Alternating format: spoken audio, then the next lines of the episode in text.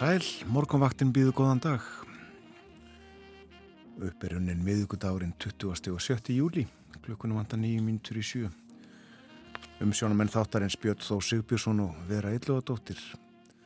Við stöndum vaktina til nýju í dag.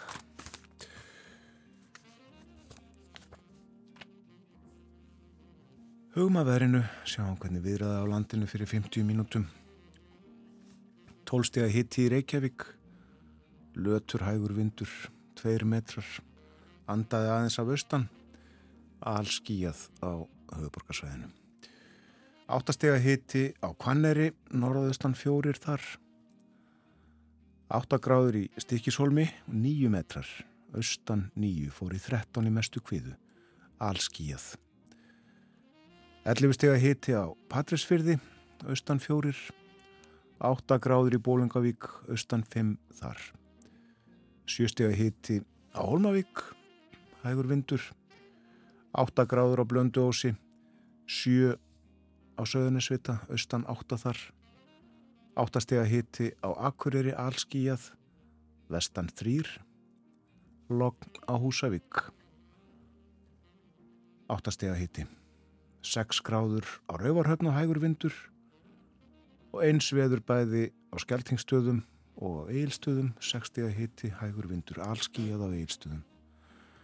7 steg á höfni Hortnafjörði, 8 gráður á Kvískerjum og 8 steg hitti líka á Kirkjubæklustri og veður áttjónastöðinni á Stjórnarsandi. 10 gráður á Stórhauða, austan 14 þar, átjáni mestu kviðu, 11 steg í Árnesi, 4 metrar logn í veiði vatnarhraunni, sjöstega hitti og fjórastega hitti við Káranhjúka á Sandbúðum og á Holtaverðu heiði. Veðuskeitin frá því klukkan 6 í morgun.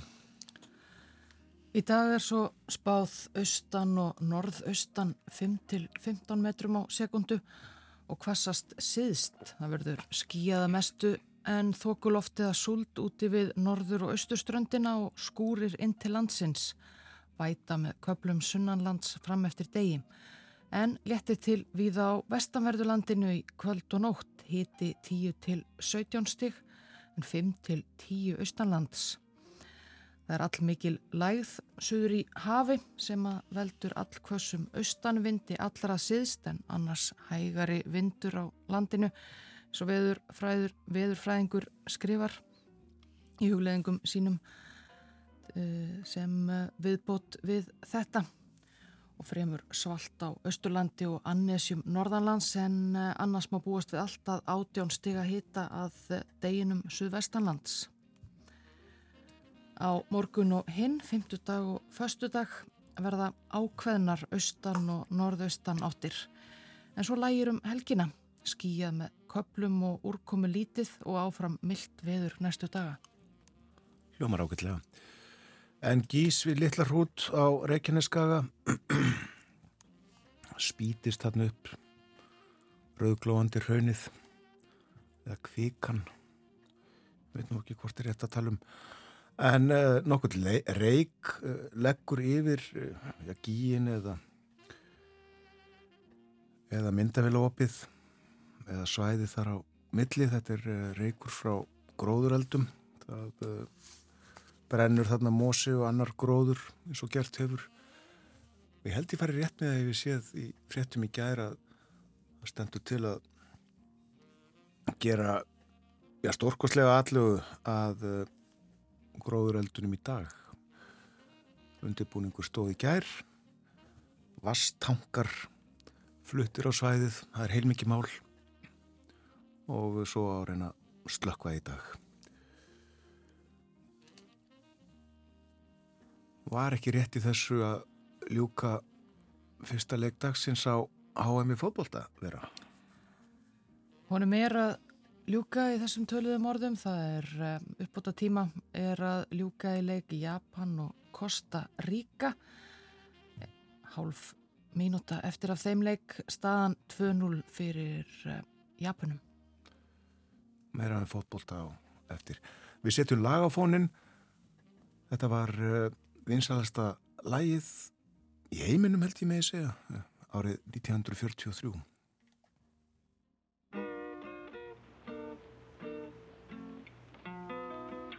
I'm gonna buy a paper doll that I can call my own. A doll that other fellows cannot steal. And then the flirty, flirty guys with their flirty, flirty eyes will have to flirt with dollies that are real. When I come home at night, she will be waiting. She'll be the truest doll in all this world. I'd rather have a paper doll to call my own than have a fickle-minded real live girl. I guess I had a million dollars or more. I guess I've played the dog game o'er and o'er. I just quarreled with Sue. That's why I'm blue. She's gone away and left me just like all dolls do. I'll tell you boys it's tough to be alone. And it's tough to love a doll that's not your own. I'm through with all of them. I'll never fall again. Say, boy, what you gonna do? I'm gonna buy a paper doll that I can call my own. A doll that other fellows cannot steal.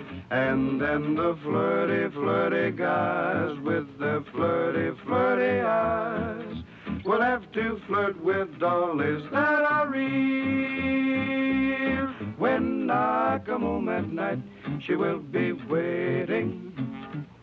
She'll be the truest doll in all this world. I'd rather have a paper doll to call my own than have a fickle-minded real live girl.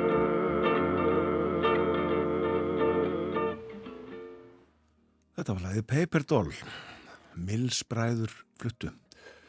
En uh, þá voru þeir Donald, Herbert, Harry og John Yngri, rakara sínir frá Pequot, Ohio.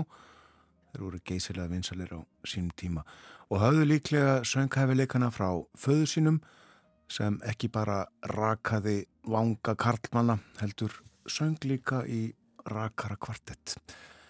Og eins og áður saði vinsalasta lag ásins 1943, ég saði heiminum, ég veit það nú ekki allavega í bandaríkjunum, en uh, hvers vegna leiku við uh, vinsalasta lag ásins 1943 í þættinum? Jú, uh, það ár kemur nokkuð við sögu á eftir, meðan það eftir fréttina sem að koma eftir smá stund.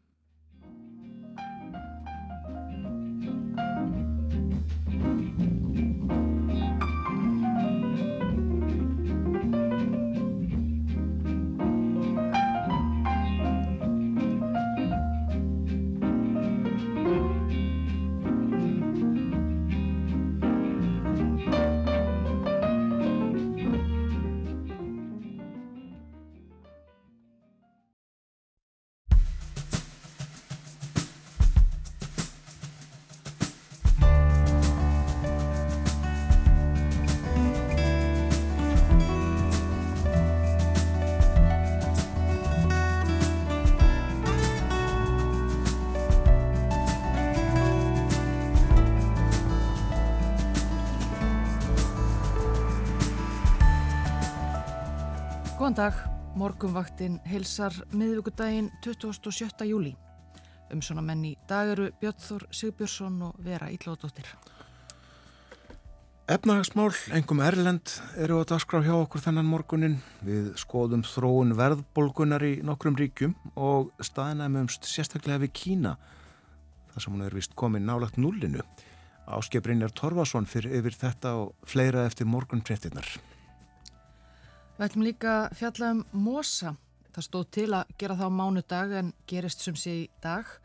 Mosi hefur brunnið á fleiri tugum ef ekki hundruðum hektara lands í grend við góðstöðvarnar á Reykjaneskaga. Skaðinn er mikill því Mosi vex hægt og hann er ekki gróðursettur eins og margar plöntur. Og það er svo merkilegt með Mosan að okkur finnst hann dæmalust fallegur og aldeilis viðegandi í óbyggðum en viljum ekki sjá hann í görðunum okkar. Magnea Magnúsdóttir landgræðslufræðingur verður hjá okkur laust eftir hálf átta og spjallar við okkur um Mosa. Og svo er það afmælisbardagsins. Áttræður er í dag Mick Jagger, söngvari hljómsveitarinnar Rolling Stones. Einn af þeim allra stæstu í rocksögunni, mikið upp á haldmargra.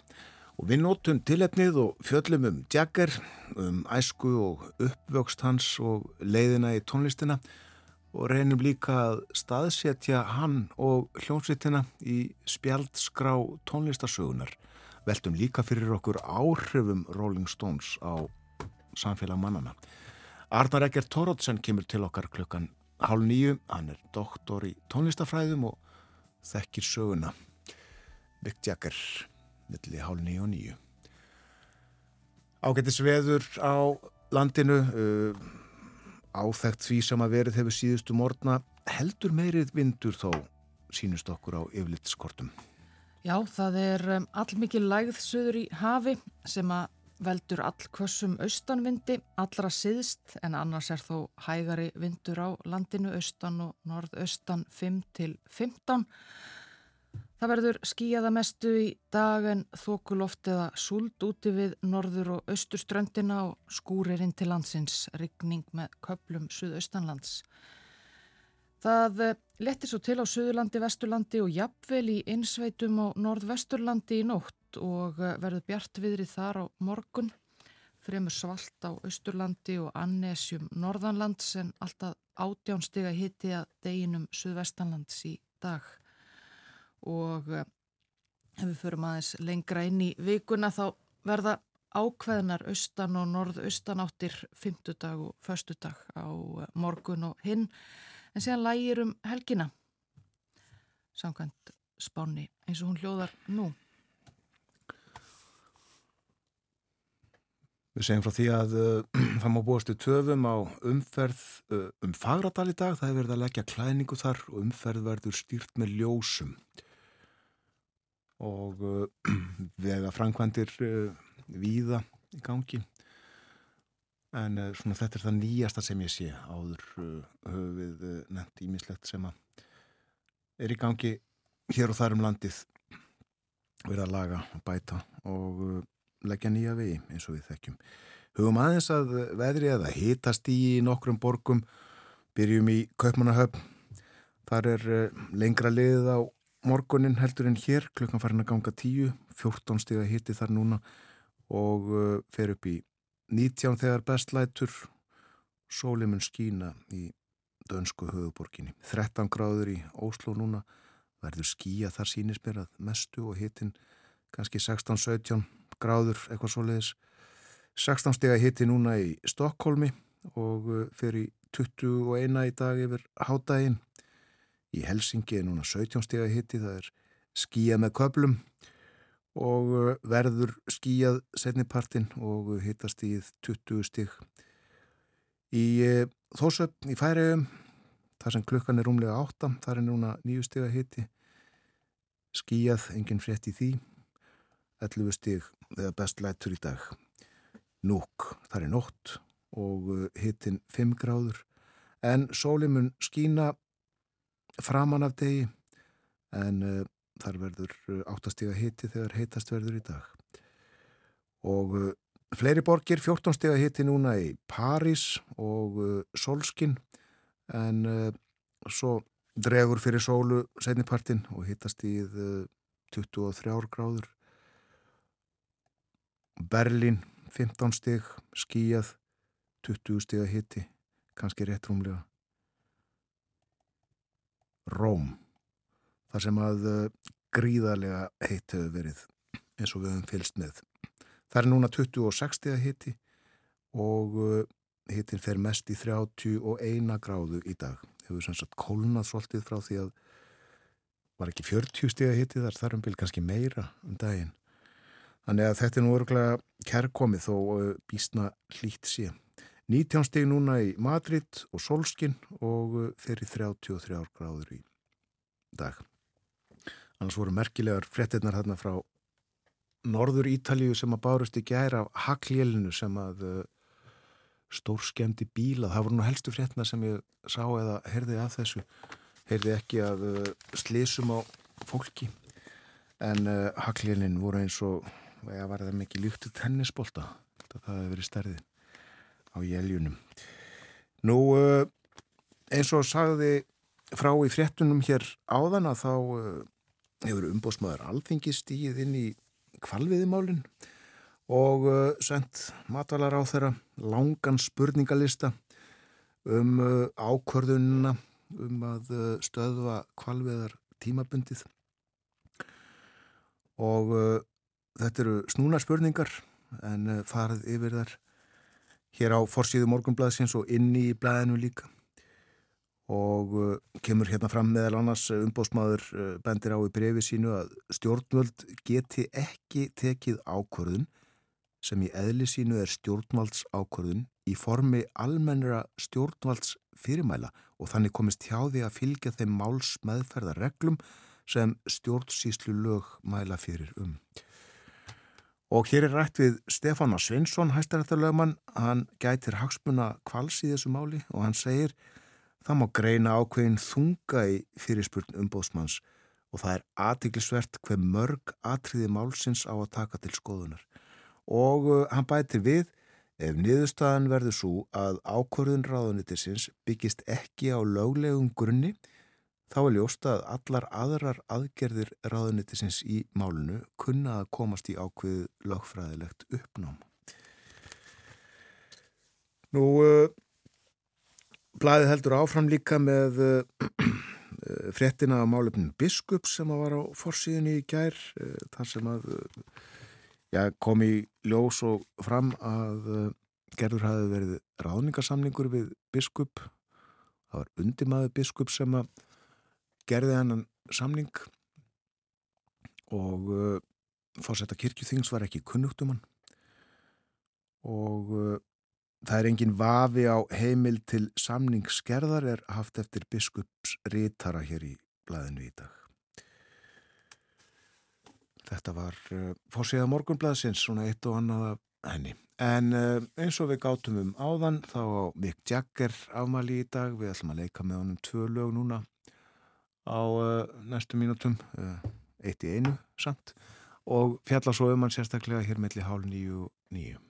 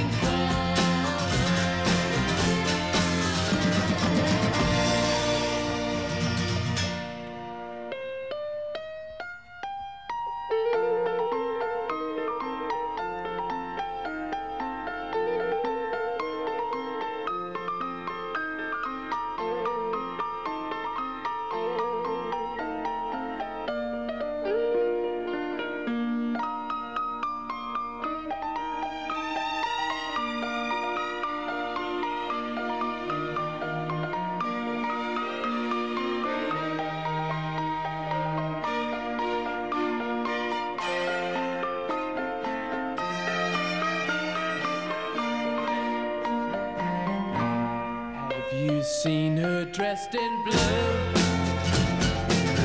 See the sky in front of you. And her face is like a sail, speck white, so fair and pale. Have you seen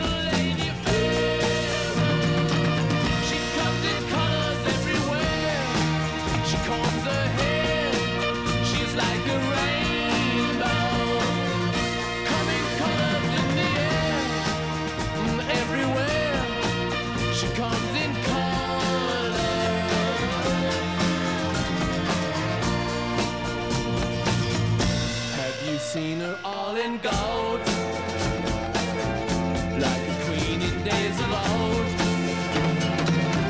She shoots colors all around, like the sunset going down.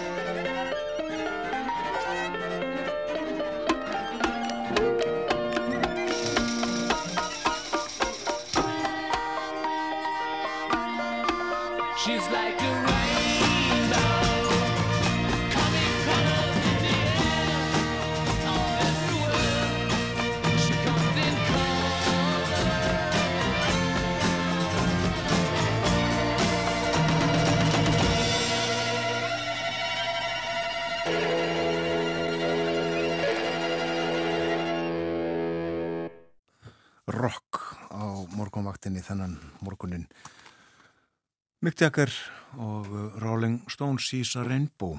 Já, uh, Mick Jagger áttraður í dag. Það fyrsta sem ég uh, fann um hann í íslenskum blöðum byrtist í æskunni í september 1964 Þá hafi blaðinu borist bref Kæra æska getur þú ekki byrt mynd fyrir mig að hljómsveit þeirri sem kalla sig The Rolling Stones. Það er sagt að þeir félagar séu á góðri leið með að ná bílunum í vinsældum. Heldur þú að það sé satt? Og svarað, svarað var hljómsveitin The Rolling Stones er skipuð fimm hljóðfræleikurum og svo eru þeir taldir upp og uh, sagt hver gamlið þeir eru og uh, svo segir þeir félagar hafa náð miklum vinsældum nú á síðustu mánuðum en samt munið er eiga langt í land ennþá til þess að ná hennum frægu bítlum. Og uh, næst var skrifað um Rolling Stones, uh, nei, rétt áður hafi verið skrifað um Rolling Stones í uh, Vísi. Þar var Mick sem sagt ekki nefndur á nafn. En uh, í stuttri frétt Vísi sagði The Beatles hafa með försinni til USA opnað þar stórkostlega markað fyrir brest pop, breskar pop hljómsveitir. Amerikanarnar urðu yfir sér hrifnir af óhljóðum þeim sem fært hafa piltunum heimsfræð og bretarnir eru ákveðnir í að fylgja læginu eftir.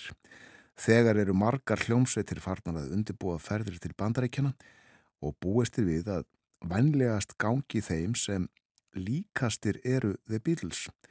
Ef svo er, þá ætti piltunum hér á myndinni, mynd fylgir með sem sagt, ekki að ganga illa því að þeir eru ekki síður villimannslegir en hinn er heimsfrægu landar þeirra. Þeir kalla sig The Rolling Stones, hinn er skoppandi steinar. Skrif um Rolling Stones og Mick Jagger í íslenskum blöðum 1964.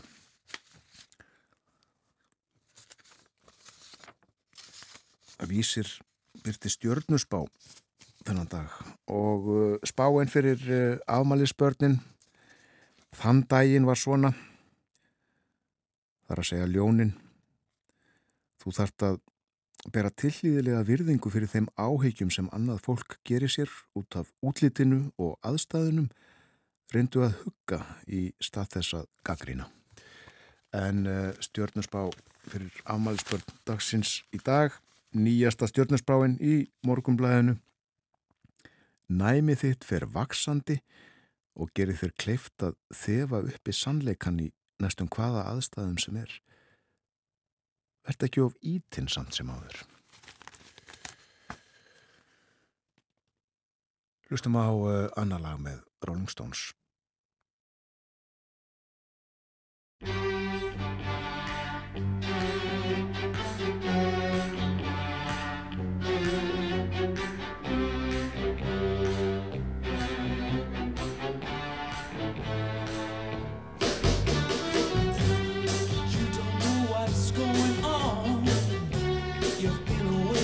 Much too long.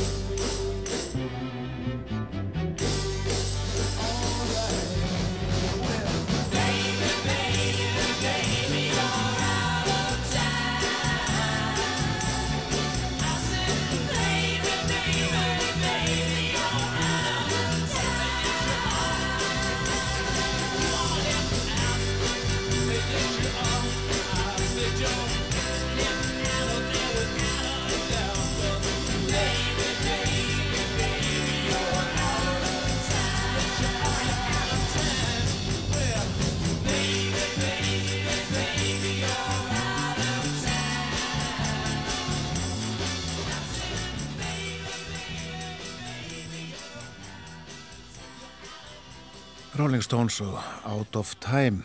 Ég minni á að við fjöllum um Mick Jagger hér á morgunvaktinni milli hálf nýju og nýju. Arnar Egert Tórótsan kemur til okkar. Mick Jagger áttræðir í dag. Kraftur í þessu lagi. Aldalis. Það er svona sló hælun niður í gólfið í takti við músikina og það gerist bara ósjálfrátt. Slík áhrif hefur tónlist á fólk. Að fótbolta Það er um það byrja að hefjast uh, næsti leikur dagsins á HM Kvenna.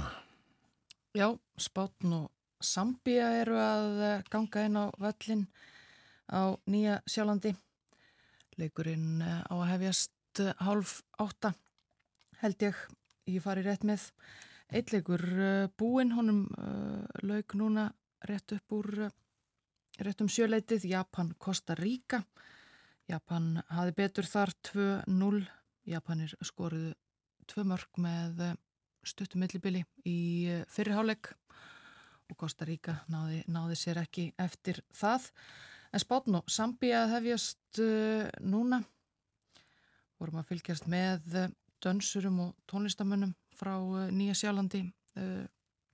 Blása til leiks bókstaflega með kuðungum, einhvers konar, einhvers konar nýsjálensk hefð má ætla.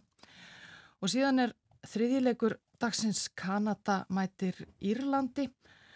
Og hann fer fram á nokkuð skaplegum tíma, hefst á hátegi, íslenskum tíma sáleikur er leikin í Perth í Ástralíu. Og verður, það verður átta að kvöldi að ástralskum tíma eða Perth tíma. Borgin er átta, átta klukkstundum á undan okkur, þannig að hægt er að horfa á þann leiki í, í, í hátegis hlýðinu. Já, en uh, spænskur sigur á eftir líkleri en uh, sambískur uh, spát sigraði í fyrsta leik sínum á mótinu lagði Costa Rica 3-0 en Sambia tapaði sínum fyrsta leik gegn Japan 0-5 og aðeins meira en fókbólta en þeim gekk ekki nógu vel Kópahókstrákonum í gær í leiknum gegn Kaupunahöfn FCK hafi betur 2-0 en uh, Breðablík fær uh, tækifæri til þess að uh, jafna metin segra Kaupanahöfn í Kaupanahöfn í næstu viku. Það eru leikið á parken þeim glæsilega fókbaltavelli Fréttaefilitið framöndan það kemur eftir fjóra myndur klukkan halv átta. Og eftir það þá Ætlum við eins og við sáðum frá hér fyrir morgun að fjalla um mosa. Það er margt um mosa að segja.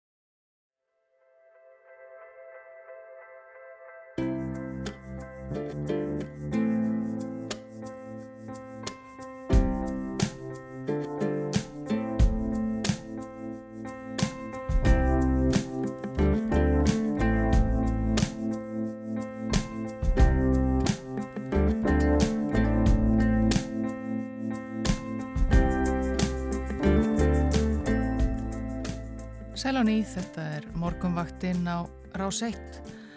Klukkan er orðin rúmlega hálf átta. Það er miðugudags morgun 20. og 7. júli. Fretta yfirlitað baki. Fyrir fretta yfirlit þá leikum við hér nokkur lög með Rolling Stones.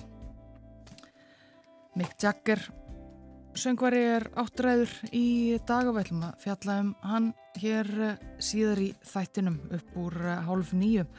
Arnar Eggert Tóratsen, tónlistar eh, spekulant, kemur til okkar og ræður um Amalys Badnið og Rolling Stones sögun á áhrifin. Og eftir morgunfréttina klukkan átta þá verður Áskil Brynjar Torfarsson, sérfræðingur í fjármálum með okkur eins og ofta á miðugudagsmórnum efnahagsmál til umræðu engum erlend og meðal annars þróun verðbólgu og sérstaklega þróun verðbólgunar í Kína. Þar er hún vist komin nálagt nullinu en Áskir Brynjar ætlar að fara nánar yfir það að loknum morgunfréttum klukkan átta. En nú ætlum við að fjalla um mosa og tilefnið er mosabrunnin, mosabrunnin mikli við Littlarhút Þar hefur mósi á tugum eða hundruðum hektara brunnið síðustu daga og, og vikur frá því að tóka gjósa.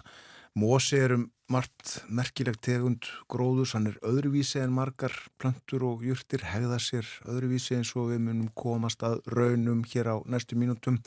Hjá okkur er Magniða Magnúsdóttir, hún er landgræðslu fræðingur og starfar hjá Orku Náttúrunar og hún veit tölvertum Mósa. Góðan dag og velkomin til okkar. Takk fyrir. Kanski fyrst aðeins langar með að byrja um að gera grein fyrir því hvers vegna þú veist jafn mikið um Mósa og Römbinvitni. Já, þegar ég var í náminu mínu að læra landgræslufræði þá fekk ég mikinn áhuga á Mósa af því að þetta er lítið rannsakað og, og hérna fólk, svona, fólk hefur fundist að vera hálfgjört illgresi hinga til en hérna Mér hefur alltaf fundist hann mjög spennandi. Ég ferðast mjög mikið um Ísland og mikið um Hálendið bara frá því ég var bann og bara elskaði þessa grænu fallegu plöntu. Þannig að þegar ég var í náminu mínu þá hérna dætt mér huga að, að læra meira um hann og hérna læra hvernig er hægt að, að lagfæra mósaþembur. Akkurat. Kom kannski betur á því og eftir en uh, það var til næg þekking uh, til þess að geta kent þér þannig að þú gast lært.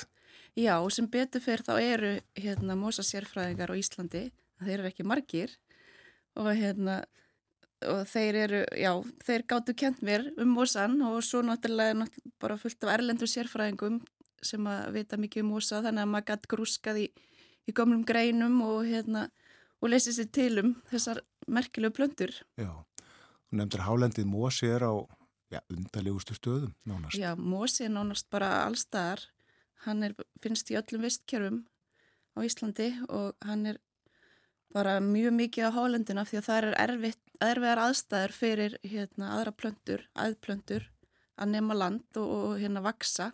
Þannig að Mósi hann getur vaksið við mjög erfi skilirði og þess vegna er hann einmitt oft fyrsta tegundi til þess að nema land á nýju landi. Er Mósi bara Mósi eða eru margar Mósa tegundir? Mósi er náttúrulega ekki bara Mósi hann er, hérna, það eru fullt, fullt af tegundum og Íslandi eru rúmlega 600 tegundir af mosa. Ég er einn augu hérna þegar þú segir þetta. Já, og það eru mjög mismunandi og hérna bara í útliti og hversu rættar vaksa, til dæmis hérna mósin sem að flesti vilja losna við í gardinum sínum, í grasflutinni sem mér, mér finnst náttúrulega mjög fallegur að hann vext til dæmis miklu hraðar heldur en hérna, hraungambrin sem myndar þess að við áttum miklu breyður grá, grámósin þannig að já, það er mjög miklu munur á, á tegundunum. Já, en fyrst hún nefnir mósan í görðunum, emitt, þetta er merkilegt, eh, við höfum ekki dálægt til að mósa út í eh, náttúrinni og óbyðum en viljum ekki sjá hann í görðunum okkar. Eh, skilur það? Nei, ég Nei. skil það bara alls ekki sko hérna, mósin hann er fallegur og grætn allt árið umkring og í, í grasflutinni þá er hann bara svo mikilvægur að gera hann að mjúka, maður getur lappa á táslunum, tengst við náttúruna, það er náttúrulega bara eitt af besta sem maður gerir að lappa á, á tánum út í náttúrunu og jarðtengja og, og standa á mjúkun mósa er náttúrulega bara besta í heimi sko. Betri en á grasi? Já, mér finnst það allavega Já. miklu betra. Þannig að þú vilt ekki gefa hér ráð uh, um hvernig á að losna við mosa úr gorðum? Nei, alls ekki.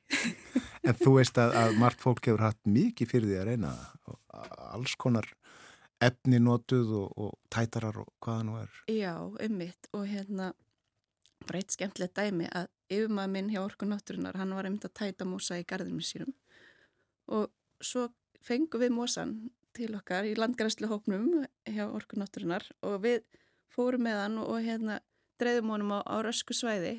Þannig að nú erum við komið með þennan fína mósa sem vext þarna. Þannig að það er þetta nýtan á já, öðrum stað. Já, ummitt, það er nefnilega mjög gott að nýtan En hvað kemur mósi á grasflöt sem að ummitt eh, lítur bara út fyrir að vera gras? Já, hann er alltaf bara best allstaðar að því hann er bara út um allt og þetta er engjaskraut sem vex í grassflutinni og hérna hann best bara úr öðrum grassflutum og, og bara úr umhverfinu. Þannig að hann, hann, hann er nefnilega svo magnaður að hann getur vaksið með svona klónvexti mósin að hann, það þarf bara lítið brot af plöntunni, bara lítið löfblaði eða brota löfblaði, þá getur myndast nýr mósasbroti þannig að bara lítið brot fíkur einhver staðar að og lendir í grasflutinni og þar getur að byrja að vaksa. Og það er akkurat þannig sem hann vex í hérna til dæmis í hraununum þegar er nýtt hraun sem brennur yfir landið er núna að skemma mosa sem búin að vaksa þarna lengi en þegar hraunið er storknað þá, þá geta borist mosabrót að og þar byrjar að vaksa þá bara aftur nýr mosi. En það tekur tíma eða ekki? Jú, það getur tekið alveg langan tíma, bara ára tugi og hann getur alveg borist hratt að en hann er mjög lengi að vaksa í svona þykkar þempur. Hann vex bara um 5-15 mm ári þannig að það gerast mjög hægt og fer náttúrulega mjög eftir bara aðstæðum á svæðinu, hvernig hit, hitast í og rakast í, sérstaklega hann er mjög, hann er mjög hrifin af rigningu og raka. Þess vegna er líka svo mikið að mósa á Íslandi að því að það er svona rignisvöldið hjá okkur. Þú fylgst með uh, mosabrunanum vantarlega við góðstöðunar á Reykjaneska. Já, einmitt og auðvitað nýstir það hjartamanns að sjá hérna mosan brenna en, en maður veit að það er að myndast þarna nýtt land að- og það er náttúrulega kjör aðstæður fyrir mosa þannig að það er mun koma mosi þarna aftur. Já. En það uh, tekur einhver árið ára tugi líklega. Já, já. Þá það ætlum við getur fyrir að tekið- sjá hann. Já, en við getum síðan verið að berast að og mynda svona þunna þekju það, það gerist alveg ekkit kannski svona tíu árum með eitthvað svo les en, en hérna, en svo mynd, tekur langa tíma að mynda þess að þykku þembur. Segð okkur frá uh, einmitt því sem að þú uh, hefur gert og þú komst hingað í þáttin fyrir nokkrum árum uh, vegna starfaðina fyrir orkuveituna eða orkunátturunar við að laga mosa, mosa skemmtir Já. sem að við lengi heldum að væri ekki mögulegt. Já, ummitt. Það er nefnilega svo merkjöld að því að, að því að hann vex með þessum klónvexti þá er til dærulega, já, við skulum segja, já, auðvelt að hérna, lagan, en það er ekkert svo flókið en maður bara veit hvernig hann vex. Hann til dæmis er ekki með rætur, hann myndar svona rætlinga sem að e, gegna hlutverka festan við yfirborð, þannig að það þarf ekki að ekki bynda gróður sitja.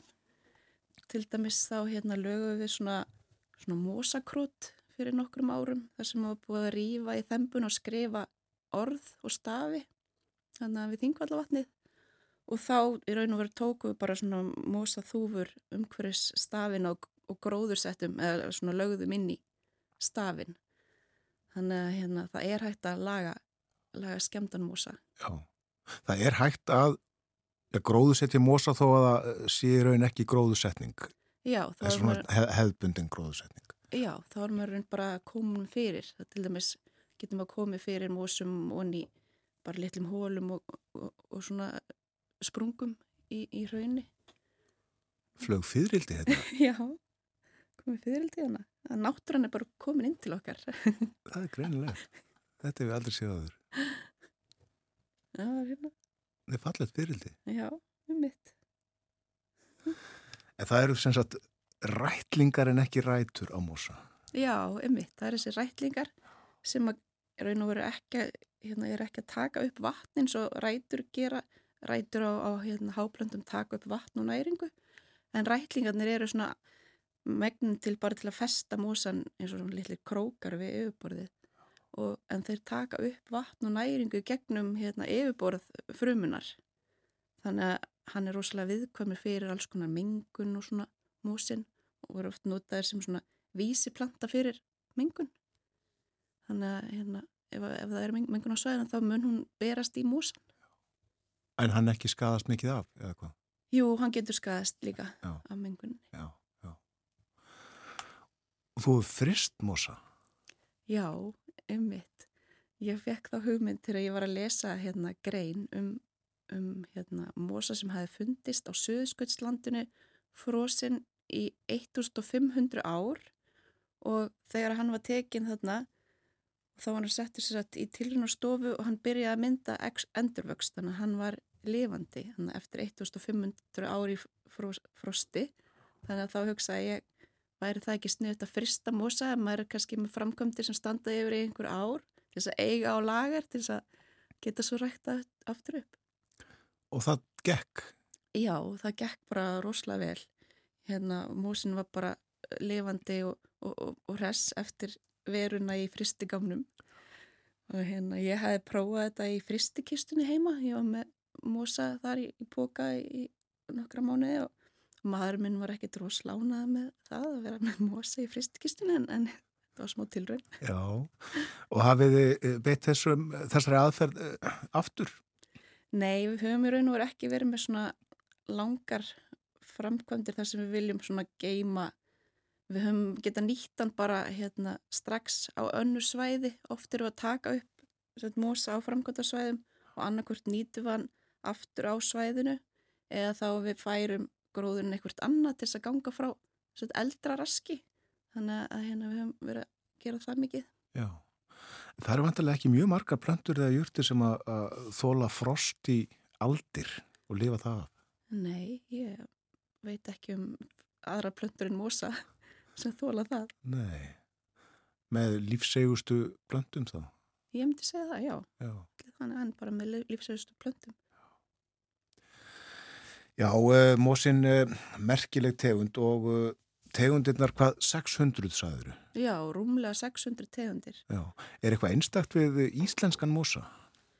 Er hann öðruvísi en mósi annar staðar í heiminum?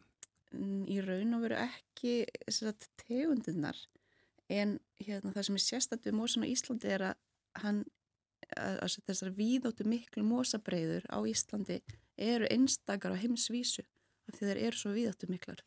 Það er náttúrulega því að Íslandi er svo ungt land, bæði það er að myndast ný raun eins og við vitum núna með eldgósið og svo er náttúrulega jöklarnir og þeir, þegar þeir hopa þá er að koma nýtt land undan jöklinum og þá eru náttúrulega kjör aðstæður fyrir mósan að nema þar land. Þar auki er Ísland hérna, út í miðju Allandshafi þannig að hér er mjög rægt og það er líka kjör aðstæður fyrir mósa. Já. Hvar eru helstu mósa breyðurlandsins? Þær eru til dæmis þarna við eld, í eldtröunni.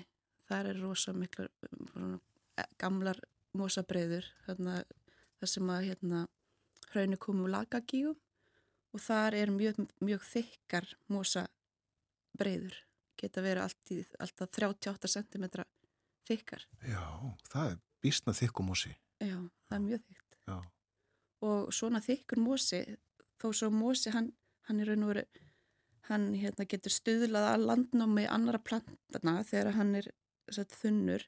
En þegar hann verður svona rosalega þykkur eins og þannig í eldtrunni og meðal annars þá hamlar hann landnámi því að það er mjög er, erfitt fyrir aðra plöntur að, að, hérna, að nema land í svona þykkum breyðum en, en það sem hann er að gera hann er svona eiginlega jarðvegsvesmiða því hann, hann rotnar neða frá upp og þannig myndast mold.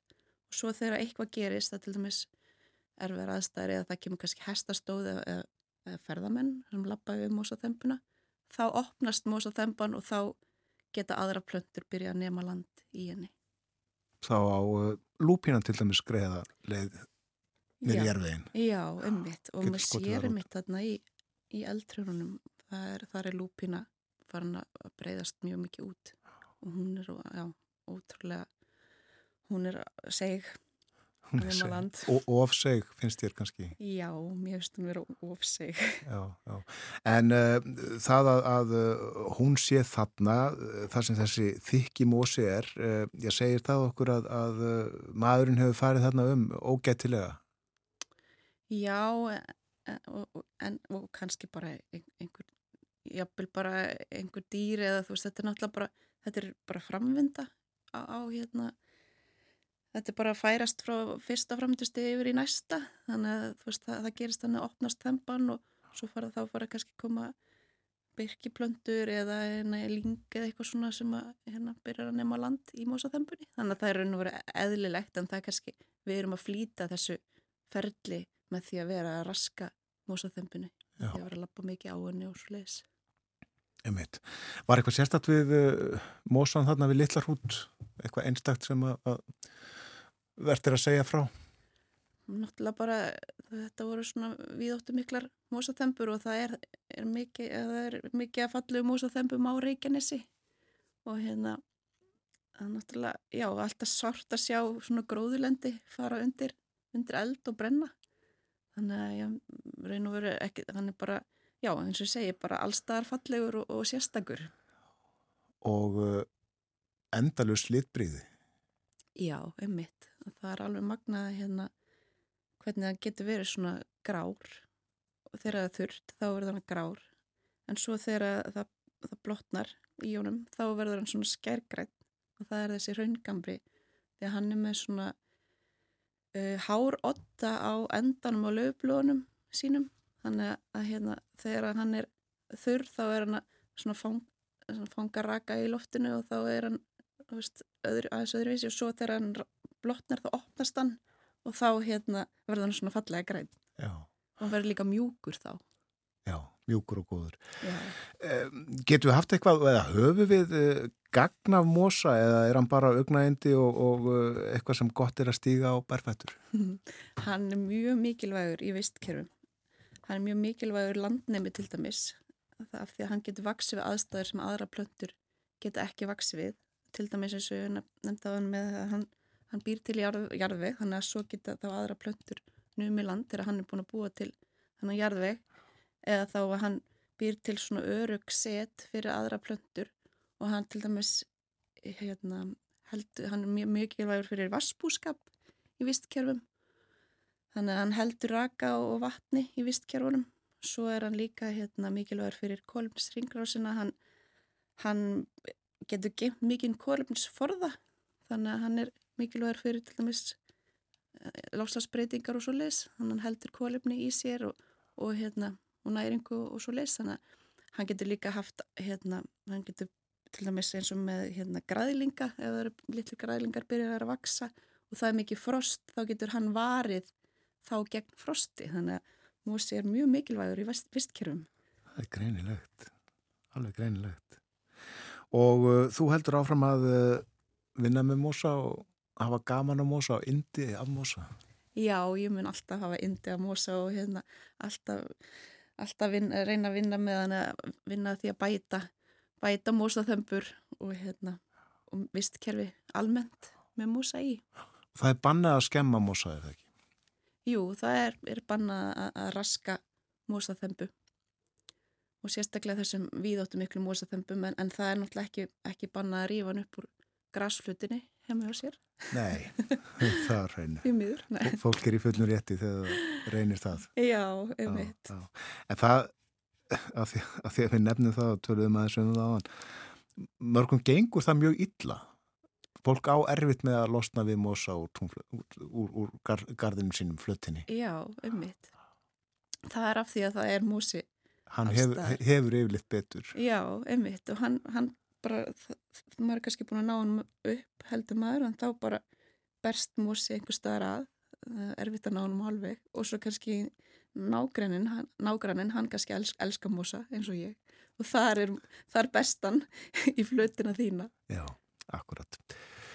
Eh, aðeins þá að uh, Reykjaneskaðanum aftur uh, þá að gera svona alvöru atlugaði að uh, slökka þessa gróður held að þarna í dag undibúningur í gær fleiri, fleiri tonna vatni flutt á svæðið og svo bunaði á á logana í dag, við vonum að það gangi vel. Já, við vonum það, að sé þetta slökka þessa gróðurelda. Kæra það ekki fyrir að koma til okkur á morgunvaktina. Bara takk hella fyrir mig. Magniða Magnúsdóttir, hún er landgræðslu fræðingur, starfsmáður orku náttúrunar, uh, veit mikið um mosa og uh, hún uh, saði okkur ímislegt um hann hér á hann. Hann er ekki bara fallegur og ekki bara þess aðlis að gott er að lappa á honum bærfættur, nei hann er líka alveg bráð mikilvægur í náttúrunni, gerir mikið gagn.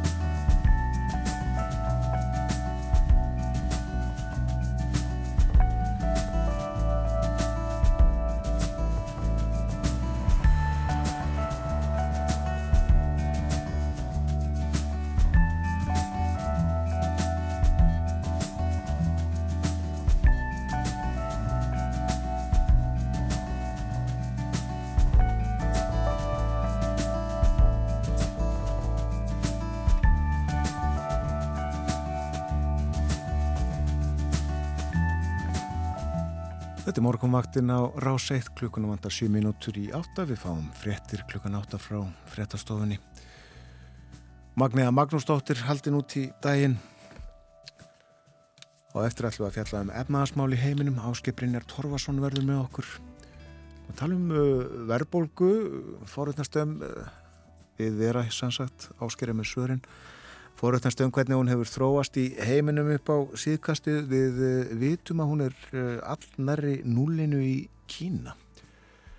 Ímislegt fleira að spjallum hér milli 8 á hálf 9 og uh, milli hálf 9 og 9 þá fjöllum við um Mick Jagger áttræðan, já hann fættist 20. og 7. júli 1943 verði Rolling Stones uh,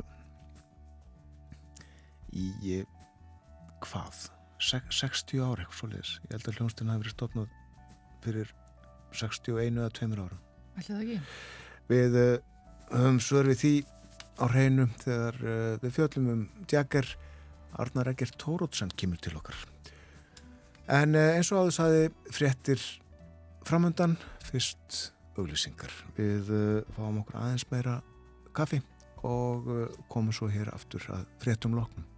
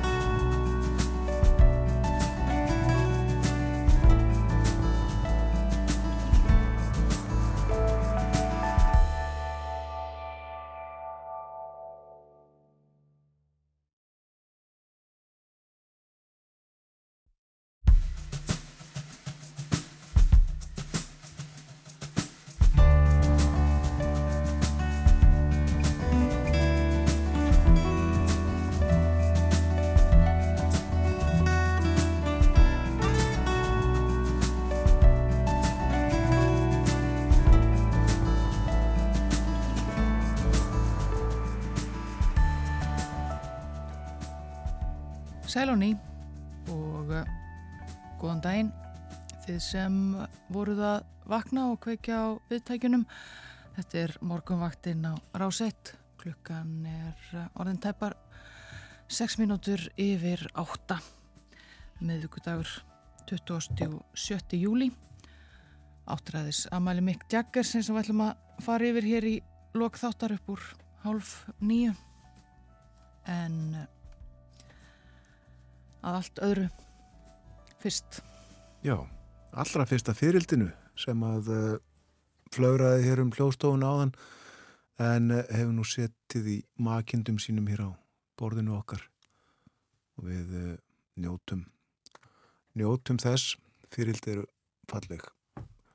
Áskiprinna Tórásson hafa fyririldi einhverja svona merkingu í efnaðarslífi heimsins. Það er stundum sagt að þegar fyririldi blaki vangjunum í Hong Kong að þá geti það valdið efnagslegum stormi í New York en hérna ég held að það sé nú gummulkenning og, og ja, hagkerfin er orðin það samtengd þannig ég held við þurfum ekki fyririldin endilega til en ég var nú að hlusta á mosaumræðina líka sem var skemmtilega á hana það eru 600-200 mosa á Íslandi að þá þetta mér í huga að það eru kannski svona 600 ástæður fyrir verbulgunni get ekki sagt 600-200 verbulgu en hérna allar vörurnar í vörukorfunum út um allan heim sem að valdaði að vísitölumælingin hækkar.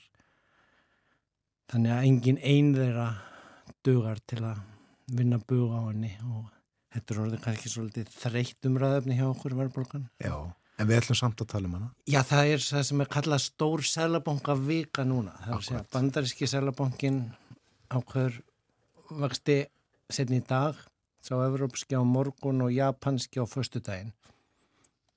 Markaðinir voru alveg farnir að bregðast við í gæru fyrir dag, sérstaklega gæra og svona búast við að, að og nú glifti markaðurinn fyrir lítið, það kvarf bara einhvern veginn. En hérna, uh, já, þannig að, að, að það er svona verið að af markaðstæðanum að búast við að það verði fjórðungsprósentu hækkun og að það verði síðasta hækkunin. Bandaríski selabankin verður þó komin upp í hæstu vext í 22 ár og svona að því það eru búin að vera að koma merkjum að, að verðbólgan sé að hætta að vaksa og það er svona verið að vonast eftir að selabankanir samlega þessari vaksta ákvarðin segi og núna erum við komin upp á toppin og nú þurfum við bara að halda þetta út og svo lækkum við eftir því sem að gognin sín okkur og, og heimil okkur þannig að það er svona, já verið þá að hvetja alla þessa 600 aðila korfunar á bakvið vístöluna til að, að hérna haga sér og hætta hækkununum. Mælingin hér síðasta góð, uh, hún er almennt á niðurleiði heiminum eða ekki? Já, já, en, en það sem er núna svona kannski það kom skýsla frá IMF í gær, allþjóða gældarisjónum og svona að, að það er alveg tónnin að við erum samt ekki, það má ekki fagn og snemma, við erum ekki laus við hana og það þarf að halda vel á spöðunum til að hún síi niður á við. Um, það er svolítið deilda meiningar um hvort að komi aftur lágir vextir eins og við erum búin að lifa með í, í ára, ára síðustu tvo áratíu eða ekki.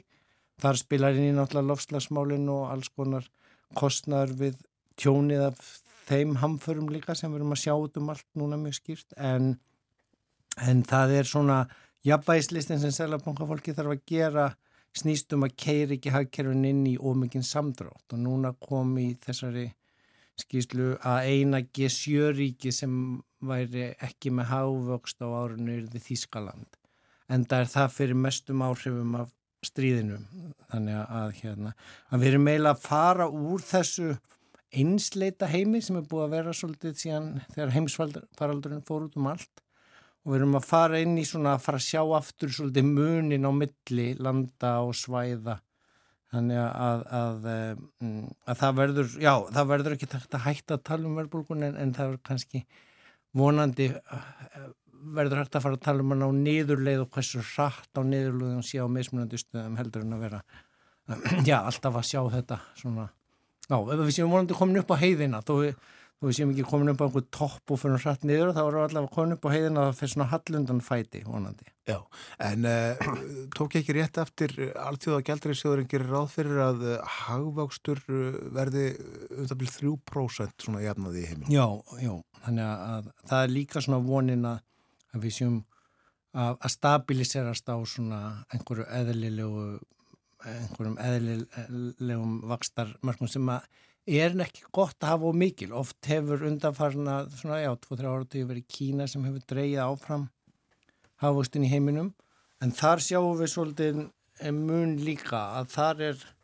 bæði hagvöxturinn mun minni sem þá lækkar hagvöxtin í heiminum í, í helda því þetta er náttúrulega annað stærsta eh, hagkerfi heimsins en líka því að við ætlum að fóksra svolítið á Kína að þar er búin að verða svolítið afgerandi stefnubreiting eh, sem tengist ekki heimsfaraldrinum en svona hefur verið að, að koma út núna að, eftir að þeir eru kominir út úr sinni síðustu bylgi. Þeir beittu náttúrulega aðeins öðrum aðferðum en við hér í, í bandaríkjunum og Evrópu að, að það var ekki eins mikil svona fjárhagslegu stuðningur inn í viðbröðin við, við eh, heimsfraldrinum heldur var hreinlega bara já, já fólk var, fólki var skipað að vera heima í að vera marga mánuði og, og, og vesmiðunum var bara skipt upp í, í svona e, rými þannig að það, það, var, það var miklu harðari og hvað maður að segja svona logistisk aðgerða aðferðarfræði frekar en fjárhagslega Og borgum lokað. Já, já, bara og, og, og, og mjög, mjög svona, já, ógnveikjandi svolítið með við okkar. En, en, en þannig, já, hluta til vegna þessar bólefni þar var ekki eins upplugt og, og hérna hjá okkur, þannig að það kom svona svolítið lokabilgja þar sem hafði efnaðslega áhrif. En, en, núna er það allavega uh, afstæðið og það sem að byrtist í þessari nýju efnaðstemni þeir eru að þeir eru ekki lengur að stefna og vera svona útflutningsdrifið hagkerfi. En þeir hafa verið versmiðan fyrir heiminn og, og hérna eru núna orðið það stórt hagkerfi og með það stóra millistjætt sem að, já, er að eigða að, að, að það er e, á að vera svona neysludrifin hagvöxtur sem þeir stefna á núna. Og, og þá kemur upp, já, þessi vandi hagfræðin er oft með að við náttúrufræðina, það sem er hægt að vita nákvæmlega hvernig Mósi hagar sér e- eða, eða önnur fyririldi eða eitthvað þess að það, svona flest öll allavega, þannig að þeir sem eru hér, að, að kynverjarnir er ekki alveg eins eðsluglaðir og kannski Evrópubúar og, og bandaríkjumenn þar að segja, þannig að fólkið er að spara, þannig að það tekst ekki að fá í gang e, neysluhafustin eins mikið og kannski var vonast eftir.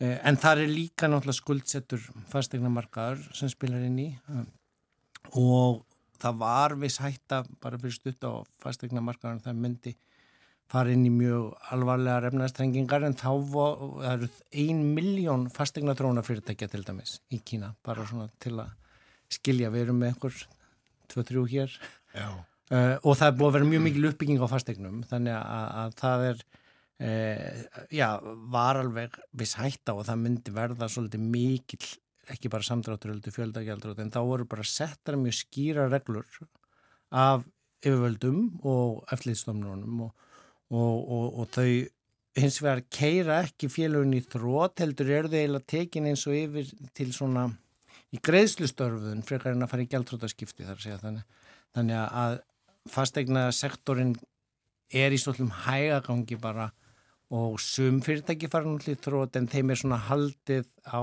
gangandi og, og lífi og það eru sett upp sérstök eignastýringa félög í eiguríkisins sem taka yfir vandraðegninar úr bankunum til þess að, að hérna, já, bú ekki til kreppu, það, það er auðveldar að svona stýra svona hlutum í, í Kína heldur en kannski hér hjá okkur. Já, bankað eru þetta mikilvægt afl í hagkerunum. Er, er þeir eh, ríkisreknir allir bankarnir í Kína?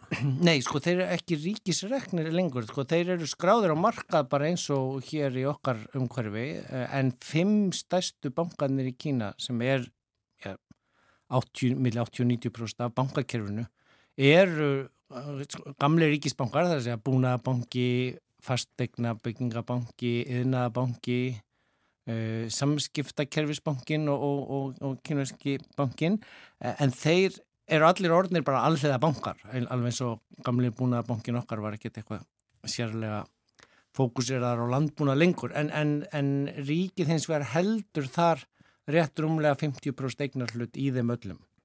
En, en lætur þá verið í samkeppni og lætur þá vera skráð á markað og, og það eru jáfnvel erlendir fjárfestar sem eiga hluti í þessum bankum þar þó að þeir séu, já, þeim er ekki sleft niður fyrir 50% eignarhaldin á ríkinu og, og, og ríki er með e, svona nefnd sem að gætir að e, stjórnarháttum inn í það og í meir og minn öllum fyrirtækjum í Kína er það þannig. Já, já, já og uh, í lífi fólks bara almennt. En mér heyrist þú þessi mynd sem að þú dregur upp að bankakerfinu í Kína ekkert verið ósöpið því sem að við höfum hér. Þarna, já, fimm stóri bankar, 80-90% af bankakerfinu, hér eru þeir þrýr. Já, og 80-90% og ríki á slatta. Já, ríki á svona þá helming af því Já, hér með já. því að eiga allan landsbankan og 40 eitthvað prost í Íslandsbanka þannig, að- þannig að, og ég meina ef við horfum bara til Noregs, þar er bara eitt stór banki sem er sko meir en helmingur á bankakjörnun og ríkið á þar, ég sko helmingur umlega í honum með lífeyrisjóður ríkisins, það er að segja ríki á 30 prost og, og síðan á lífeyrisjóðuríkisins yfir 20%. Þannig að, að sko það er ekkert eitthvað eh, einstakt í heiminum að, að ríki vilji halda eh, já, bankakerfinu stöðu og, og frá því að lenda undir stjórn einhverja ólíkarka eða of áhættu samra aðeila og þetta gerir sérstaklega eftir bankangrísur. Ég var að tala um Kroatíuna síðast hjá okkur og, og þar til dæmis er bankakerfið, já það fór í krísu um 1990 svipaðan tíma og skandinavisku bankanir fór í krísu og, og þá var ekki já, byggt aftur upp það bankakerfið eins og það var áður sem hefði verið einhvað heldur komu inn þýskir og ítalskir bankar sem eignuðust þá meir og minna bankakerfið í, í Kroatíu og þannig var það eiginlega, já, hvað maður segja, svona gott samlífi milli bankakerfis í stöðuleika og sælabanka sem að heldur þá vöxtur hún til samræmis við efnagslífið í Londonum þaðan sem eignarhaldi á bankunum kemur og, og þannig gekk þetta svona ákaflega vel að taka upp efruna þar að því það, þar hafi þetta verið í, í ára tög frá því að gengu inn og jafnvel ára tugina eitthvað þar á undan í svona Uh, já, góðu samlífi milli, milli landa þar sem að bankakerfið vefst saman og, og efnags afleðingar þess eru ekki í svona það sem er kallað búmböst eða sem sagt í mikill uppsöflu og miklum niður söflum heldur uh, stöðu jafnvægis ástandi eins og maður reynir að halda. Förum aðeins frá Kroatíu aftur til Kína við nefndu það í kynningu að verðbólgan þar er já, rétt rúmlega 0% ekki satt, rétt undir 1%. Við fórum ekki nógu ítalega í það, sko, mannstu hvað hann var hæst? Hún fór nú ekkit rosalega hátt í Kína. Þeir geta styrt sínu hagkerfi ákvæmlega vel. Nú var reyndar verið að skipta út selabankastjórunum, bara núni í vikunni, hérna, en, en það, hún, hún varð aldrei þar e, í tveggjastáðutölu eins og var komið hér, en hins vegar, sko, þarna þarf maður að fara í svona smáadriðin og, og, og fast, þeir, þeir náða að dempa fastegnamarkaðin með bara stífum aðgerðum og settar út 20 reglur um það hvernig eigi að dempa þá, þá bólu og uh, eiginlega núna er vandin þegar þeir eru komin undir 1% þá já, er það sem ég hef talað um hér einhvern tíðan áður í raun og veru miklu erfiðara vandamál ef, ef það verði verið hjöðnun ef allir neytendunir á markaðnum geima bara peningin sinn í staðan fyrir að skipta út eldursunrettingunni eða, eða kaupa sér eitthvað nýtt að þá já, verður samdrátturinn það mikill og, og uh, verð, andstaða verðbólgunar sem er í raun og veru verri skeppna að kljóst við heldur en verðbólgunar sjálf þó maður vilja alls ekki hún sé of, of há. Þannig að, að það, það er já ég, ég reikna nú ekkit með að fara endil í verðhjónu en það er eins og mjög áhugavert að, að fylgjast með þessu, sérstaklega líka síðan þegar að því að maður flokkar Asju að Japan er náttúrulega búið að vera svona ákveðin stöðnun uh, og vandi með oflittla verðbólgu í 2-3 ára tíu þannig að og þetta hangir síðan sama við náttúrulega fólksfjölgununa líka uh, og Kína er náttúrulega komið á það steg líka vegna einsparstefnunar og núna að þá er já, farið að sjá fram á ming hækkun hagkerfisins vegna mannfjöldans sem er svolítið það sam og Japan var að kljóst við undanfarn ára tíu þannig að, að það, það, þá er ekki víst að, að hávöxtur og endarlös vöxtur sést að það sem drífi áfram heldur þá þarf að finna svona nýtt jafnvægistig í, í uh, já, að, að sigla í gegnum þetta. Mm, og, og ég, ég held að það sé svolítið sem að alltaf gældur sem var líka að gefa til kynna með 3% hávöxtin í heiminum að Að, að, að, að það að vera stefna í hýfir 3% eða einhver 7-8% eða 9-10% eins og Kína var með þegar þau voru að byggja upp í raun og veru sitt nútímalega efnast líf að það er ekki hægt að viðhalda því áfram Nei. og það er ekki gott fyrir neitt hagkerfi að vera í svo miklum vexti því það reynir á öll kerfi sem þá fer að bresta í og, og, og en, en við erum náttúrulega hér með mikinn vöxt í ferðarþjónustunum því voruð að tala við boga frá Æslandir og, og e, við sjáum þessa elda og uh, hýta í Evrópu og eigunum þar, þá gæti það alveg valdið en meiri ströymi hingað í svalar og rósla til okkar og þá, já, þarf að byggja upp heilmikið náttúrulega á þess að við séum þrónaland heldur bara að byggja upp innviði fyrir, fyrir þá atvinnugrein sem að Koma nú þegar sko þenslu. 100 flugvilar á dag til Íslandsins. það þarf slatt af, af hótelum og gisturými og, og, og og, og kaffi og háragröð til að taka á móti öllu því fólki þannig að, að það er ekki eins auðvelt að stýra því og hvernig að kljást við það þannig að það, það verður nóg við að etja á efnarsveinu þó við séum vonandi komin út úr verðbólgu skóginum og upp á einhverja svona heiði þó að hún verði vonandi ekki mjög há og ekki mjög löng heldur geti farið að hjaðna svona hallundanfæti fljótlega. Já.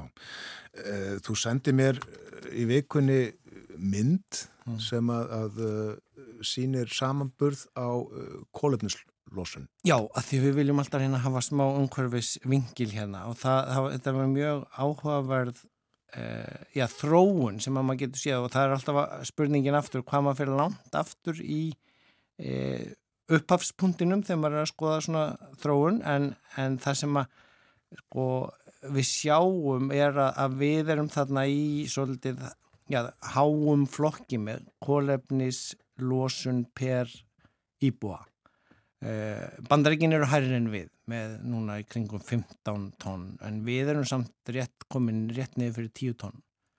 Meðan að, Evrópusambandi til dæmis er að nálgast 5-6 Eh, allar eh, svona línunar eru nú búin að vera niður á við núna undarfærið eftir að loftlagsmálinn komast á dasgrá en við sjáum samt náttúrulega lönd eins og Indland og Kína sem eru vaksandi eh, í sinni losun að því að þau eru náttúrulega að byrja frá svo miklu lagri punkti. Þetta eru lönd sem eru að ná inn á eh, svona, já, nútímavæðinguna svo kvöldu sem við erum á. Þannig að, að, að þau hafa bæði verið að vaksa eh, og, og við sjáum að sko, Kína er eiginlega bara nálgast okkur. Við erum eh, með kannski nýju tonn og, og þau í Kína eru að ná átta tonnum á mann. Þannig að að þarna eh, er hins vegar sko, þarf maður aftur að fara í smáadriðin og bakvið. Kína er náttúrulega að eh, öflugast í heiminum að grænvæða sitt or orkukerfi, að byggja upp sólarorkuver þar sem eru rækta rækjur undir sólarpanelónum, uh, nýta hittan. Þa, það, það er sko uh, vassorka mjög mikil þar líka komin inn og þeir eru að loka kólorkuverunum þannig að það, það, er, það er gert heilmikið en bara þegar þú ert svona stórtækjerfi og með svona marga að, að þá eh, tekur það á og já, þó þú náir orkusbarnað og kolumnislosuna þá er samt vöxtur inn í borgirnar þannig að, að það, það stækkar kakan þó hver og einn eh, mingi sína nótkun en, en þarna þar, þurfa öll löndin í heiminum náttúrulega að taka sig á í að, að minga útblásturinn ef við ætlum að sleppa við að láta skóana brenna út um allt á heitari löndum þar sem að e, já, er, er bara að byrtast hræðilegt ástand lofslagsmáluna þar sem að oflítið hefur verið gert of seint. Þakka að kellaði fyrir í dag. Fara hér yfir efnaðasmáli heiminum með uh, alls konar útúldúrum hingað þangað eins og gengur, eins og við viljum hafa það. Áskefrin er Torfarsson, njóttu dagsins. Takk fyrir þess.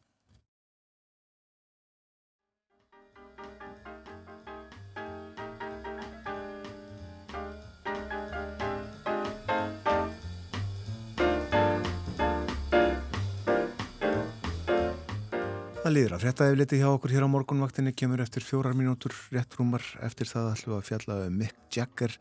Hann á afmæli í dag, stóra afmæli Mick Jagger er áttræður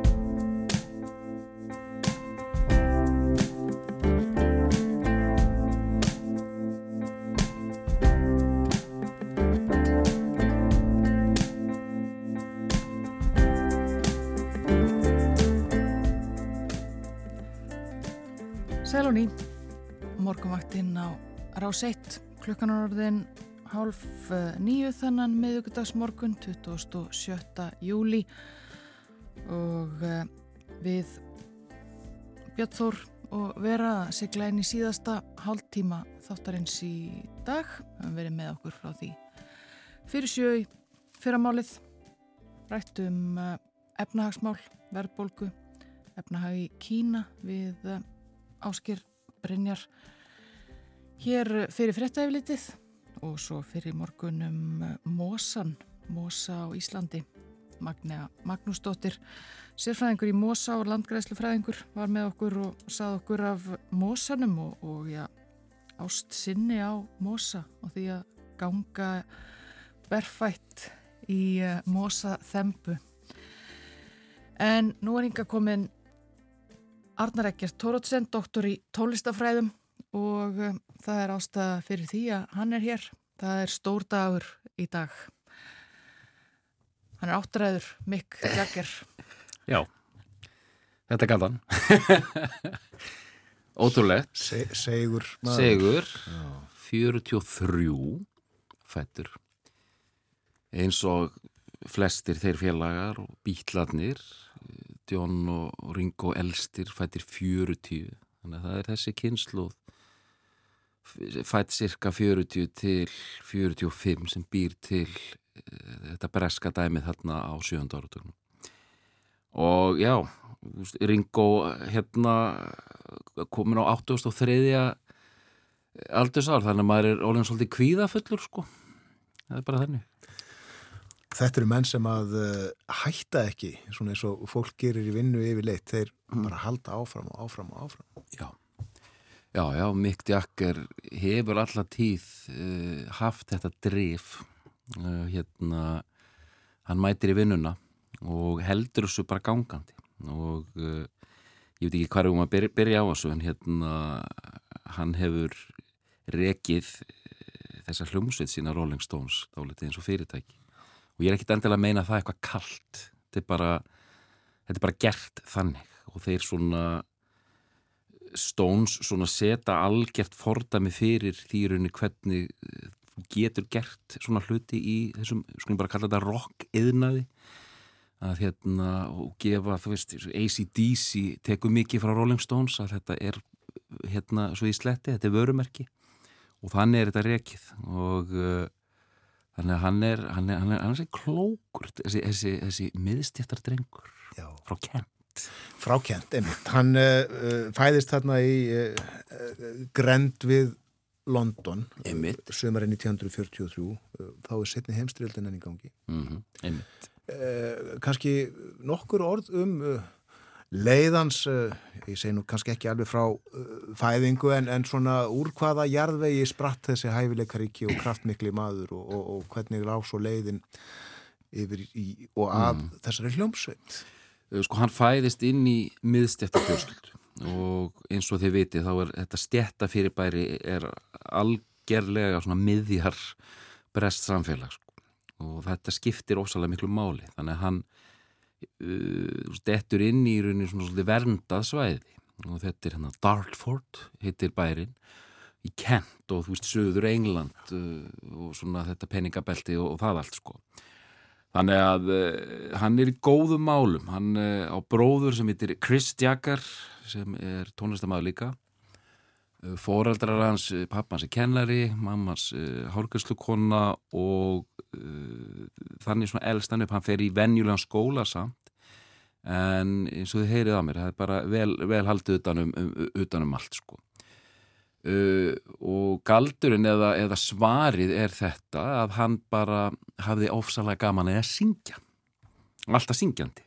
Veist, syngjandi á milli herbergja og, og, og bara þannig var hann og móður hans svona rifið hætt upp og ég, ég var að lesa ykkur á punktu og það sagði hann hann fannst svo gaman að syngja hann um mig og en hann hafði líka rosalega gaman að peningum segir hann Hérna, og maður svona, ah, ok, nokkuð gott. Já. og uh, séð þeirra hann bara í, í sinn skóla, góðu námsmaður og er byrjaður í London School of Economics, takk fyrir bara ætla að segja, læra hagfræði. Og hefur líst í þannig að hann gætt bara valið hvað á ég að gera, á ég að fara í hagfræðina? Á ég kannski að gerast bladamaður uh, á ég að gera þetta og hitt en hann er tónlistar áhuga maður byrjaður að hérna garfa aðeins í því og hittir síðan gamlan uh, grunnskólabróður á Lestarstöð 61 og uh, eru með einhverjar blúsplötur og þetta er svona þessi góðsögn og sem er sönn, þeir hittast þarna á, á, á brautapallinum og byrja að tala saman og hljómsettin verður til á næstu árum Rolling Stones. Þessi vinnur, gamli vinnur, hann heitir Hann heitir og hann fagnar vonandi 80 ára ammali núna í desember Keith Richards. Og uh, þeir tveir þetta öksul veldi hljómsveitrannar og uh, hljómsveitin verður til emitt á næstu misserum Rolling Stones. Hérna þessi blues rock hljómsveit sem er síðan stilt upp sem einhvers konar hérna andstæðingum hvernig við höfum orðað þetta bítlana á þessum áratví og hérna, við hérna fjölmjöla fólk við, við, við vitum aðeins hvernig þetta er á bakvið tjöldin þarna, það er verið að búa til leikrit sko, þó að fólk hafi aldrei gleift þetta hrátt á sínum tíma Já, einmitt. eh, Láti líta út fyrir að samkeppnin væri mikil og þeir já kannski óvinnir en mm Mhm. bílætnir og stónstir voru vinnir. Þeir voru vinir og félagar og þetta er, einmitt, þetta er teiknað upp af fjölmiðlum mi- mikið til en auðvitað báðar hljómsveitir græða á þessu. Og veist það er stutt á milli þetta er, þetta er félag og miklu meiri félagar veist, það var aldrei kært á milli Blur og Oasis þegar samskonar stríð var búið til. En þetta var miklu minni sena þarna hjá, hjá Beatlum og Stones. En það er mjög áhugavert hvernig hljómsveitinnar eru teiknaður upp að því að bítlanir, þrýr fjóruðu, eru verkalýspiltar og utan á landi Liverpool. Stones eru millistættastrákar um, og þannig að þeir eru mikla ef við viljum fara í einhverja smá heimsbyggi hérna ef þú ert að leita því hver er sannur og hver er ekki sannur þá eru bítlanir miklu sannari af því að þeir voru búin að velkjast þarna um í, í Hamburg spilandi hérna linnu lítið og búin að hefla sig dálítið út, koma með þann pakka inn. Þannig að þeir eru með þetta gritt á meðan Stones eru meira í einhverjum leik blues óðir sem bítlandi voru ekki. Bítlandi voru í svona frumrocki og country. Á meðan sko Stones byrja sem bara svona þú veist, við viljum bara vera alveg eins og Clapton sko þetta er bara svo kirkja sko, við viljum bara spila þennan frum blues við ætlum bara að halda okkur við það sko Já. Og bílætnir voru auðvitað blankir. mm Já, Hinnir áttu e, e, fyrir fara bæði bjór og gíturum. Já, og gáttu fara aftur heim Já. Uh, þannig að mér finnst þetta álítið áhugavert svo ég hérna, brjóti upp ákveðna mýtur hérna sko. þetta hafi verið þannig og síðan er þeir hérna báðarsveitir eru með öfluga umbósmenn og það er mikið verið að fæða þetta í fjölmilla þannig að Stones eru hérna málaður upp sem þessir óþekkustrákar og hversu óþekkir sem voru þá bara, þú veist, leiti þetta ágætlega út. Og, og, og normin eru fljótlega öll brotin upp, sko. Þeir eru ekki í hljómsveitaköllum uh, þú veist, þeir eru háruð, út í lo- loftið og spila þetta bara mjög vel og sérstaklega Mick Jagger, sko. En þetta er samt ekki alveg svona einfalt. Ég er ekki að mála hann upp sem einhvern leikara endilega, en ég held að hann sé mjög meðvitaður og hafi alla tíð verið mjög meðvitaður um hvað hann er að gera og fyrir hvað þetta stendur og svo framvegis og þú veist, skilur, hann getur alveg verið með meðvitaður en brotu upp þessu normum leið þú veist, í textum og, og, og hegðun og þið get ímynd ykkur í hvað samfélagi þeir eru hérna þessu harða stjættar hérna eh, veld, hann í Breitlandi Já. En hann er auðvitað töffari en Mick Jagger. Já, hann er töffari og náttúrulegu töffari. Og, og þú veist, þeir bera það allir með sér. Keith Richards er, er líka náttúrulegu töffari. Svona doldi nördalegur hérna alveg í byrjun með þessar hérna kaninu tennur sínar. En það bráður fljóta á honum. Brian Jones líka mikil töffari. Uh, Bill Wyman og, og Charlie Watts kannski meira tilbaka en uh, hérna svo í hendin fleiri popfræðum að, menn vilja líka meina að okkar maður Mick Jagger hafi búið til þessa hugmynd um að vera svona forvíismadur hljómsveitar. Þetta var, þetta var þannig séð sléttara í bítlónum að var meira svona, svona fjórhauðadreki þannig, allir með mikinn karakter en Jagger er óneitanlega í frontinum hann. Já. Það og, og, og bara ger, tekur svona þetta er svona áframhald á einhvers konar svona elvísku.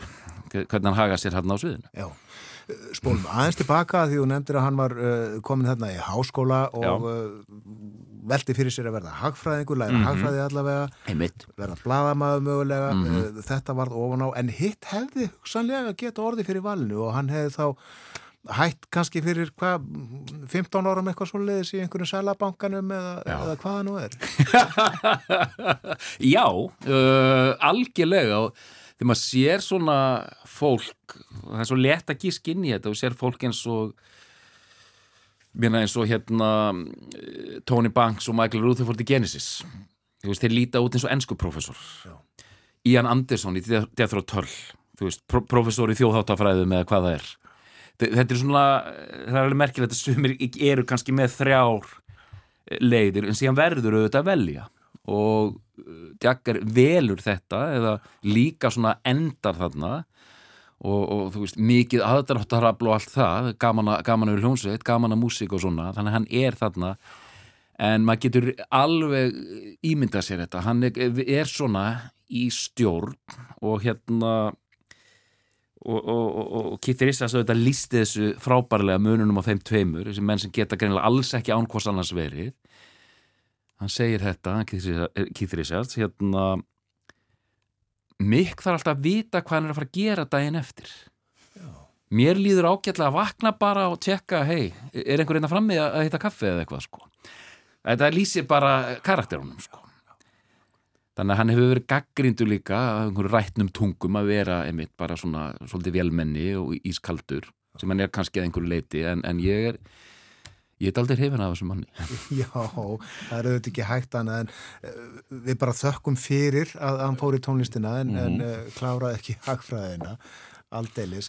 En uh, hann er náttúrulega þessi mikli sviðsmaður Mhm. og hann er uh, svona hálgerður framkvæmtastjóri líka, Mhm, rekur já. þetta, keirir þetta áfram. já, já, einmitt, einmitt En hann er líka lagasmiður og textaðundur. Já, algjörlega, hann er með það líka og, og spilar á gítar og svona er bara hérna í gangi alltaf og, og ég er mjög hrifin einmitt að þessu sem hún nefnir hérna, þetta líkamlega þetta, þetta karnaldæmi hérna, sem Elvis kemur fyrst með inn og Mick Jagger svona svolítið heldur því áfram. Þetta er allt öðruvísi sviðsframkoma. Bítlarnir eru meira eins og svona svona hérna settlega ballhjónsveit sem er svona kannski í aðeins og miklu stuði. Já.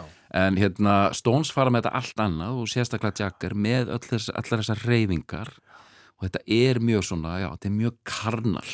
Og síðan auðvitað frelsi, ástum og eitulega neyslu og, og, og það allt sem, og þetta gerist mjög hratt á þessum ótrúlega áratug allar þessar breytingar á hugarfari og, og, gildi og viðmið og allt þetta í þessu fánulega þjóðfélagi sem, sem England er sko. Já, nefnum uh, eitt líka, uh, hann er þarna uh, þessi uh, tegund af manni, ef svo má Mhm. segja, sem hann er. Uh, það hefur kannski haft sína áhrifu að uh, þarna er rokkið eins og við þekkjum það að verða til. nákvæmlega Hann er frumkvöðl í þessu. algjörlega og mér finnst mjög áhugavert að sjá uh, hvert þessar tvær uh, þægilegt að hugsa um þetta alltaf með þessar tvær hljómsveitir kontrasta þær að þegar bítlanir eru svona líðundir lok þá fara einmitt Stones á næsta stig sko. þeir eru búin að vera að pota í eitt og annað þeir eru búin að vera að gera pop þeir eru búin að vera að gera svona psychedelia pop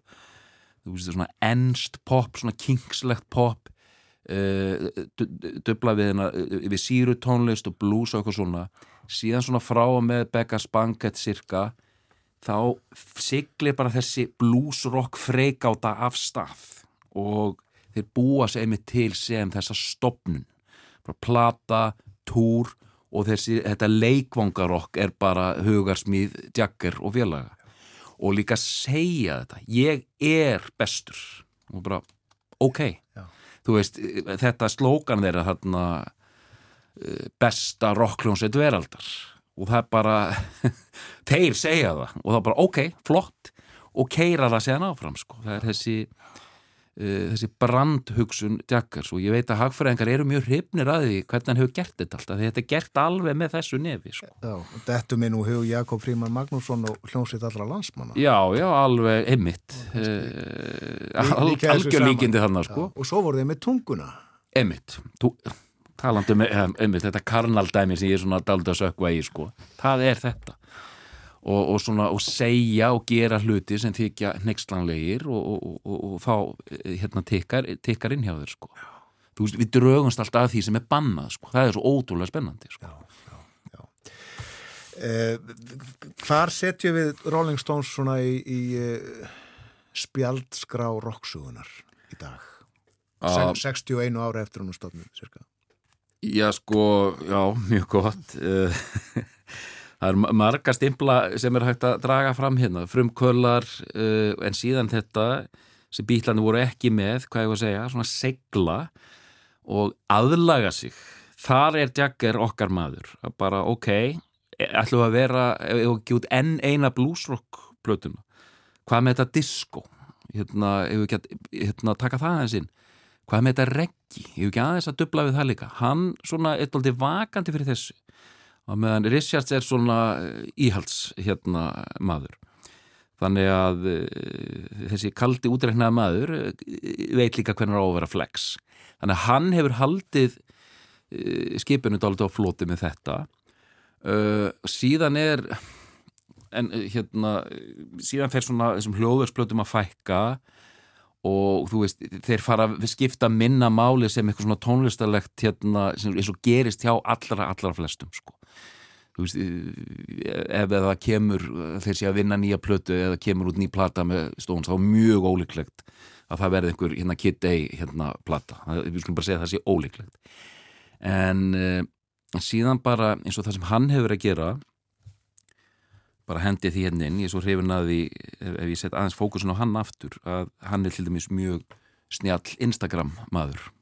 Já, er hann þar? Já, hann og, og mjög snjall þar veit upp á hár hvað hann á að gera, hvað þarf að gera og bara e, hvernig þú átt að vera hæfilega lús, e, hæfilega hérna, þú veist, mynda honum á jólónum og eitthvað svona og bara Hæ Madrid, við erum að fara að spila í kvöld. Hann sér um alveg hérna þennan þátt sko.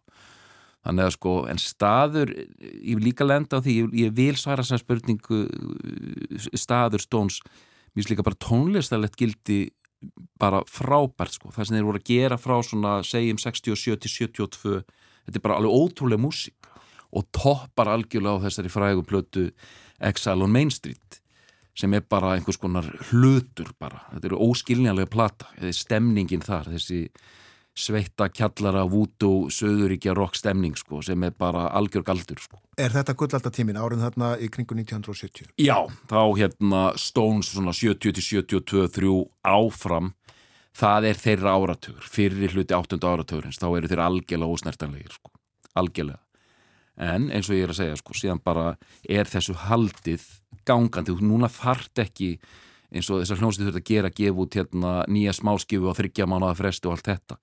Núna getur þú gefa út nýja plötu á, á þú veist, alveg saman hvað hljómsið eða er í dag, þú getur gefa út plötu á, á sex ára fresti, samt haldið er á einhverjum þryggja ára túr og, og, og hendi eina hérna jólamynd á Instagram til að halda þessu gangandi. Þeir eru eigaðu þetta eftir, eftir eh, öll þessi ár og allar þessar plötur og öll þessi lög óbóðslega marga aðdáendur Já, og þeir eiga mjög heita aðdáendur. Já, já, sanna já, já, já kirkjan, einmitt, já, algjörlega.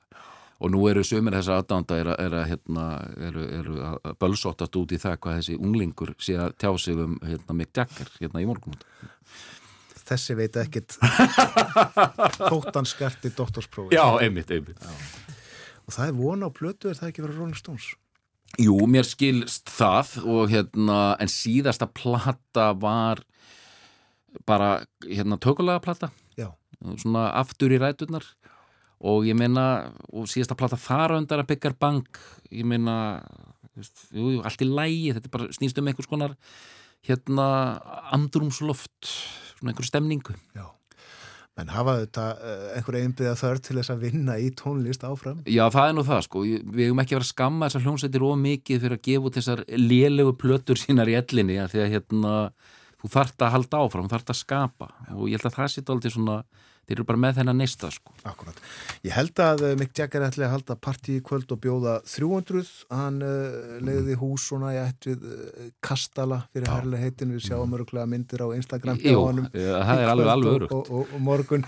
Við ætlum að uh, leika þessu spjalli okkar Arnar að gert lag, mm Mhm. spjalli okkar loknu. Þú férst að velja. Já, já, ég valdi hérna huggulegt lag fyrir hérna að því að maður er svona aðeins að skriði í gang uh, og þetta lag Play with Fire uh, kom upprunn lút, uh, þetta var bjelliðin á Last Time hérna smáskifunni og þetta er svona í fyrsta skipti sem Stones eru farin að sína einhvers konar tilþrif í lagasmíðum og þetta lag er algjörlega bara frábært og síkilt dásalegt lag. Þakkaði kellaði fyrir að koma hingað á morgunvaktina Arnar Ekkert Tóratsen að tala um uh, Mick Jagger áttræðan.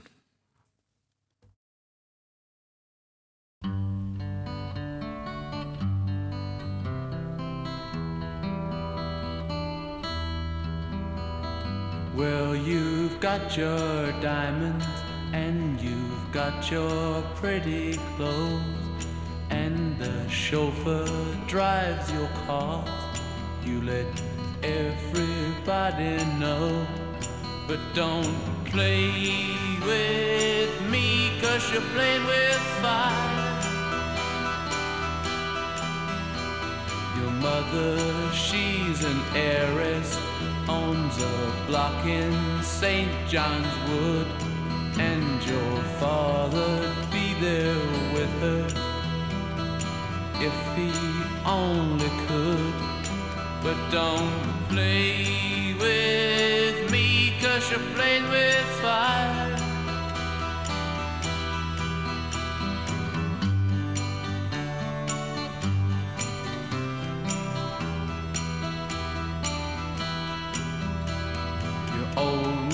Took her diamonds and tiaras by the score. Now she gets her kicks in Stepney, not in Knightsbridge anymore. So don't play with me, cause you're playing with fire. Now you've got some diamonds, will have some others, but you better watch your step, girl, or start living with your mother. So don't you play with me, cause you're playing with fire. So don't you play with me, cause you're playing with fire.